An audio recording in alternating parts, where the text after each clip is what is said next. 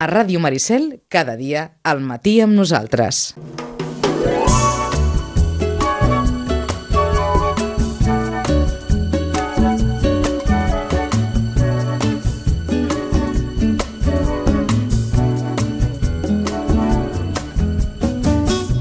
Tres quarts de 12 del matí, un quart d'horeta que ens queda per acabar el programa i per eh, repassar, com sempre, l'agenda de les biblioteques. Unes biblioteques que cop, cada cop més s'acosten doncs, al, al que podríem denominar el full equip prepandèmic, és a dir, allò que es feia normalment eh, abans que, que la pandèmia doncs, ens, ho, ens ho xafés tot. Marta Sánchez, bon dia.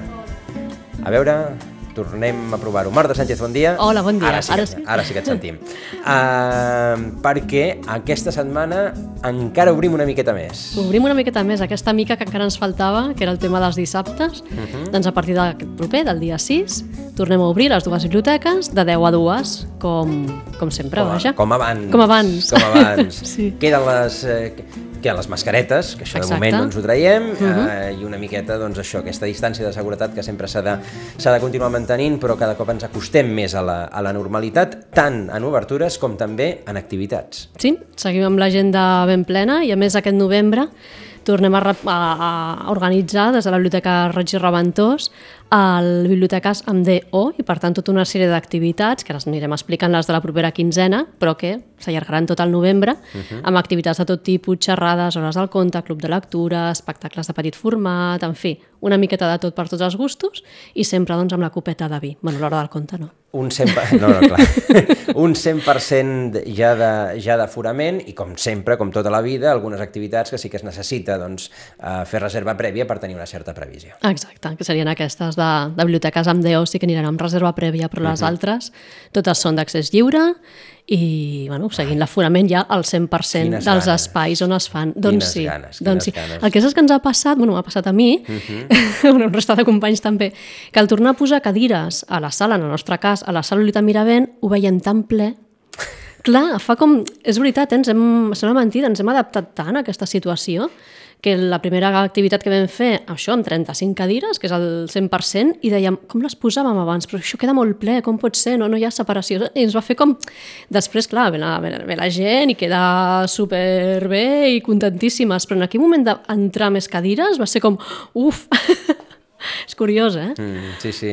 També l'ésser humà s'acostuma molt ràpid Sí, a sí, sí, determinades però bueno, ara fa situacions. molt de goig. Doncs, a veure, repassem que, que volem tenir temps de- Doncs d'explicar-ho tot. Comencem. El dijous 4, a dos quarts de set, a la Biblioteca Santiago Rossinyol, presentem una novel·la de l'autor Àngel Guàrdia i el títol és Sucre amb olor de sang. És una novel·la sobre l'esclavitud negra a la Cuba del segle XIX i els protagonistes és un fill d'un esclavista, un negre lliure i un frare dominic, que viuen convulsos successos no, amb personalitats històriques i amb motius per situar-se tots tres en contra de l'esclavisme. Serà el dijous 4. D'acord. El divendres 5, una altra presentació de la mateixa hora, dos quarts de set, a la Biblioteca Santiago Rossinyol. En aquest cas, en Joan Duran ens presenta el seu últim llibre, que no és de poesia, sinó que és un recull de narrativa curta, de contes. Uh -huh. Es diu Menjaràs pols, aquest és el títol, i el Joan estarà acompanyat en aquesta presentació per Núria Busquet, que és escriptora i traductora, pel Joan Vigó, que és escriptor i poeta, i per Ivet Swarsko, que és humanista, escriptora i ha escrit l'epíleg del llibre. Aquests, aquests contes són un recull de 14, 14 històries, i destaquen per l'originalitat en els seus plantejaments, la cruesa dels arguments i el voltatge poètic en el seu llenguatge, perquè en Joan Duran, doncs, per damunt de tot, no? és poeta, per tant, també en aquest llibre, encara que sigui narrativa, doncs es nota no? el, seu, el seu treball poètic. I trobem personatges en crisi, que estan sols, que estan ferits pels, pels propis records, i bueno, amb una realitat ferotge no? i com a màscara d'aquest llibre va ser el guanyador del Premi de Narrativa per a Colom promogut per l'Ajuntament d'Inca. De fet, el va presentar fa molt poquet a, a Inca i ara farà la presentació a la biblioteca. Correcte, vam parlar amb ell quan, Mhm. quan va presentar-lo a Inca, per tant, doncs, presentació d'un sitgetà que sempre Sí. crida més l'atenció. I tant, doncs sí, sí, el divendres 5. El dissabte 6, a les 7 de la tarda, tenim aquesta primera activitat de- d'aquest cicle Lletres i Vins dins de Biblioteques amb DO. Uh -huh. eh, serà promogut per la Biblioteca Josep Roig i Reventós, però l'acte es fa al CIM, al Centre d'Interpretació de la Malvasia, i és una d'aquestes activitats que sí que requereix inscripció prèvia, uh -huh. però en què també hi ha tas de vins doncs, per fer aquesta previsió, en fi. La... Aquest acte és una xerrada que es titula Del cau ferrat a la Malvasia, a càrrec de Carles Roig, que és graduat en Història de l'Art i guia de turisme. Ens situen als carrers de Sitges quan feien olor de Malvasia i Santiago Rossinyol construïa el cau. Hi havia canelobres de ferro forjat, dibuixos del seu amic Ramon Casas, un parell de grecos, entrant en processó pels carrers mariners de la vila. Aquesta és la història d'un racó de la calma i farem un tastet d'art sobre Rossinyol acompanyat de la dolçor i perfum de la Malvasia. Caram. El dissabte 6 a les 7 al cim. D'acord, doncs una, una proposta aquesta segurament molt saborosa. I tant. El dimecres 10 a dos quarts de set, a la Biblioteca Santiago Rossinyol, presentem un altre llibre. Hem tingut una novel·la, hem tingut un llibre de relat curt. En aquesta ocasió és un llibre mm, que no és ficció, al revés, és molt real. Es diu Migrar i resistir, històries de l'últim èxode a Europa. Uh -huh. De Mònica Parra Ràfols, anirà a càrrec de l'autora i la presentació serà del sitjata també Jacinto García Rebull. Bé, sitjata no sé si ho és. Treballa a Sitges, doncs. Doncs Ara potser he ficat la pota, allò, no allò, allò que, que deien del català és el que viu i treballa en tot a Catalunya. cas, és tan conegut, Treballa sobretot a l'escola. Miquel Utrillo, el Jacinto, que...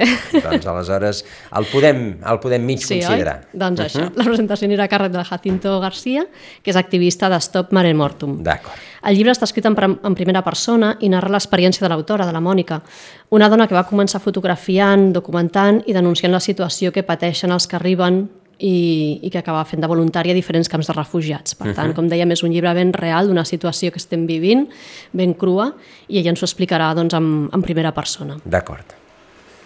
El dijous 11, a dos quarts de set, també a la Biblioteca Santiago Rossinyol, tenim una xerrada Quin impacte té la meva lectura? El contingut i el continent sí que importen. Quan triem un llibre i el triem en paper i no triem el format electrònic, quan triem un llibre d'una editorial i no d'una altra, eh, amb un paper o unes tintes d'una manera o d'una altra, quin impacte té això? Doncs sí, té un impacte, no? com tot el que comprem o tot el que consumim. Aquesta xerrada anirà a càrrec de Jordi Panyella Carbonell, que és l'editor de Polen Edicions, i tracta sobre això, quin impacte té la nostra, les nostres lectures, si un llibre pot ser ecològic o quins ho poden ser més o menys. Ara que entre els desabastiments, un d'ells, pel que també expliquen, uh -huh. les editorials s'estan trobant el problema del desabastiment de paper. Doncs, A la biblioteca n'hi ha molt, eh, de paper, Sí. aquest ja està imprès. Aquest ja està aquest, fet. Aquest no, Aquest no no, ens el treuen. Aquest ja hi és. Uh, aquesta xerrada és- és dins d'un programa, Biblioteca Sense Fronteres, activat per la justícia ambiental. Uh -huh. I la biblioteca doncs, ens hem apuntat i farem diferents xerrades per diferents grups d'edat. Aquesta és per un públic adult. D'acord. El divendres 12, a dos quarts de sis, també al CIM, al Centre d'Interpretació de la Malvasia, una hora del conte dintre de la, del cicle Biblioteques amb Déu. Anava a dir, és hora del conte, aquesta hora. Sí. És hora d'hora del conte. Sí. Contes de la vinya i el vi, a càrrec de Axis Clown. Contes que ens ensenyen com s'elabora el vi, llegendes sobre la vinya, històries entre ceps, que és l'ofici de vinicultor, jocs de paraules, refranys, cites populars, tot al voltant del tema del vi, perquè també doncs, és cultura, no? I llavors els nens i les nenes també poden aprendre coses molt interessants sobre tot aquest món. D'acord. El dimarts 16 Sí? A les dos quarts de sis de la tarda també, a la Biblioteca Santiago Rossinyol, tenim una hora del conte, les aventures del fullet Oriol dibuixades en directe. És una hora del conte diferent Ostres! perquè vindrà l'autor del fullet Oriol, que és tota una col·lecció de, de contes, l'Òscar Sardà, que és il·lustrador, i mentre la Núria Clemares, que és narradora, ens explica aquestes històries del fullet Oriol, l'Òscar anirà dibuixant. Que I és bo. molt bonic veure com aquest artista, com qualsevol artista, no, fa en directe doncs, el, el seu art. Eh, doncs això, és que ens deixarà bocabadats i qui sap, si demostrem ser grans lectors i lectores del fullet Oriol, potser ens podrem emportar un dibuix signat per l'autor. Mm. Això, qui sap, qui sap Qui si passarà això. Eh? Doncs eh, interessant, el, el fullet Oriol, que és un, és un mm. clàssic també Sí, sí, sí. De, dels darrers anys de la, de la literatura infantil. Exacte. Aquesta activitat anirà relacionada amb una exposició al pati de la biblioteca, que just començarà demà fins al 22 de novembre, que serà- és això, una exposició sobre els llibres del fullet Oriol, publicats per Barcanova. Uh -huh. En aquests plafons tenim totes les històries publicades fins ara i podrem veure el mètode de treball del seu autor, de l'Òscar Sardà, amb l'esborrany d'una plana i després la mateixa plana doncs, ja entintada i colorida, no? per veure el procés de, de treball de l'Òscar. D'acord, doncs el fullet Oriol que també estarà present a la biblioteca.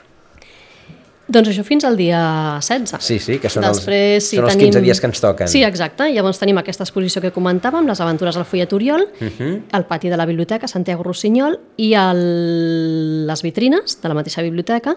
Fins al 10 de desembre tenim una exposició del fons de Frederic Malagelada i Benaprés, llibres inèdits, i és una exposició dedicada a aquest fons que el Frederic Malagelada té en dipòsit a la Biblioteca Santiago Rossinyol. Per tant, doncs hi trobarem això, no? llibres que ell ha anat mm, recollint en tota la seva vida de, de bibliòfil i molt, molt interessants. D'acord. És a dir, en Frederic Mala- Malajada Lada, doncs, Mhm. els seus llibres que també es podran veure a l'entrada de la biblioteca. Exacte. Uh -huh.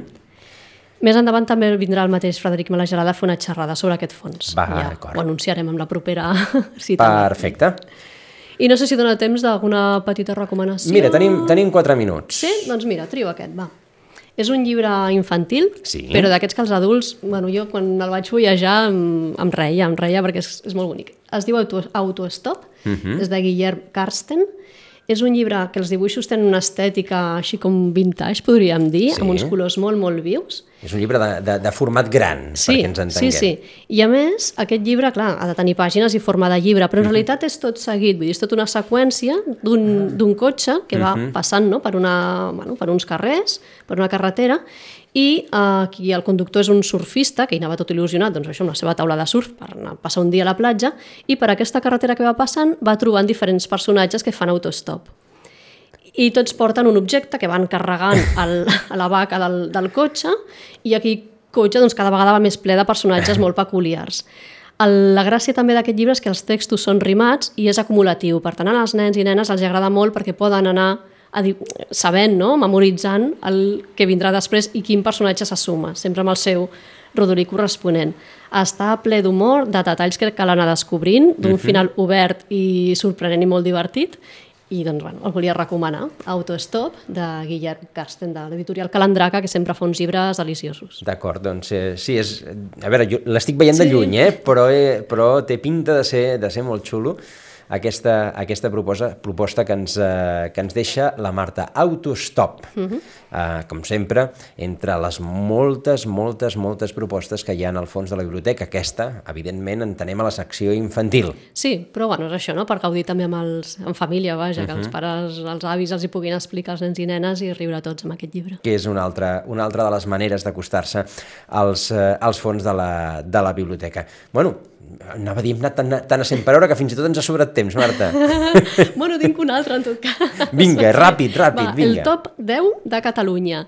És una guia de, per fer doncs, això, sortides per Catalunya i recull en, els autors eh, han, han fet la seva tria amb els seus criteris, però en tot cas recull 10 pobles, 10 monestirs, 10 catedrals i grans temples, 10 ermites, santuaris i esglésies, 10 castells, 10 cases modernistes, 10 museus, 10 de moltes coses per això, doncs, eh, preparar sortidetes curtes de cap de setmana o d'anar i tornar amb 10 top 10 de Catalunya. D'acord, Sitges deu sortir en algun Sí, d'aquests, surt, d'aquests surt, surt. veus. Sí, entre els 10 pobles. És, és fàcil, clar, Sí. és fàcil de, de, de pensar. Els top 10 de Catalunya, una altra de les, de les propostes, ara que està molt de moda, sobretot a pàgines d'internet i això, fer llistes, Mhm. doncs això, un llibre de, de llistes, que també està, com dèiem, entre els fons de la, de la biblioteca, d'aquests fons que es poden deixar, que per tant doncs, la gent amb el carnet de la biblioteca pot anar, pot demanar i se'ls eh, se pot endur en aquesta, aquesta agenda que doncs, cada cop està mm, una mica més, més vestida amb presentacions amb de, i amb l'hora del conte i uh -huh. sobretot doncs, també en aquestes activitats de les biblioteques en DO, biblioteques en denominació d'origen que es fa en col·laboració amb el Centre d'Interpretació eh, de la Malvasia. Marta Sánchez, moltíssimes gràcies, Gràcies per haver-nos acostat a aquesta agenda de la biblioteca i ens tornem a retrobar en 15 dies per repassar encara més temes.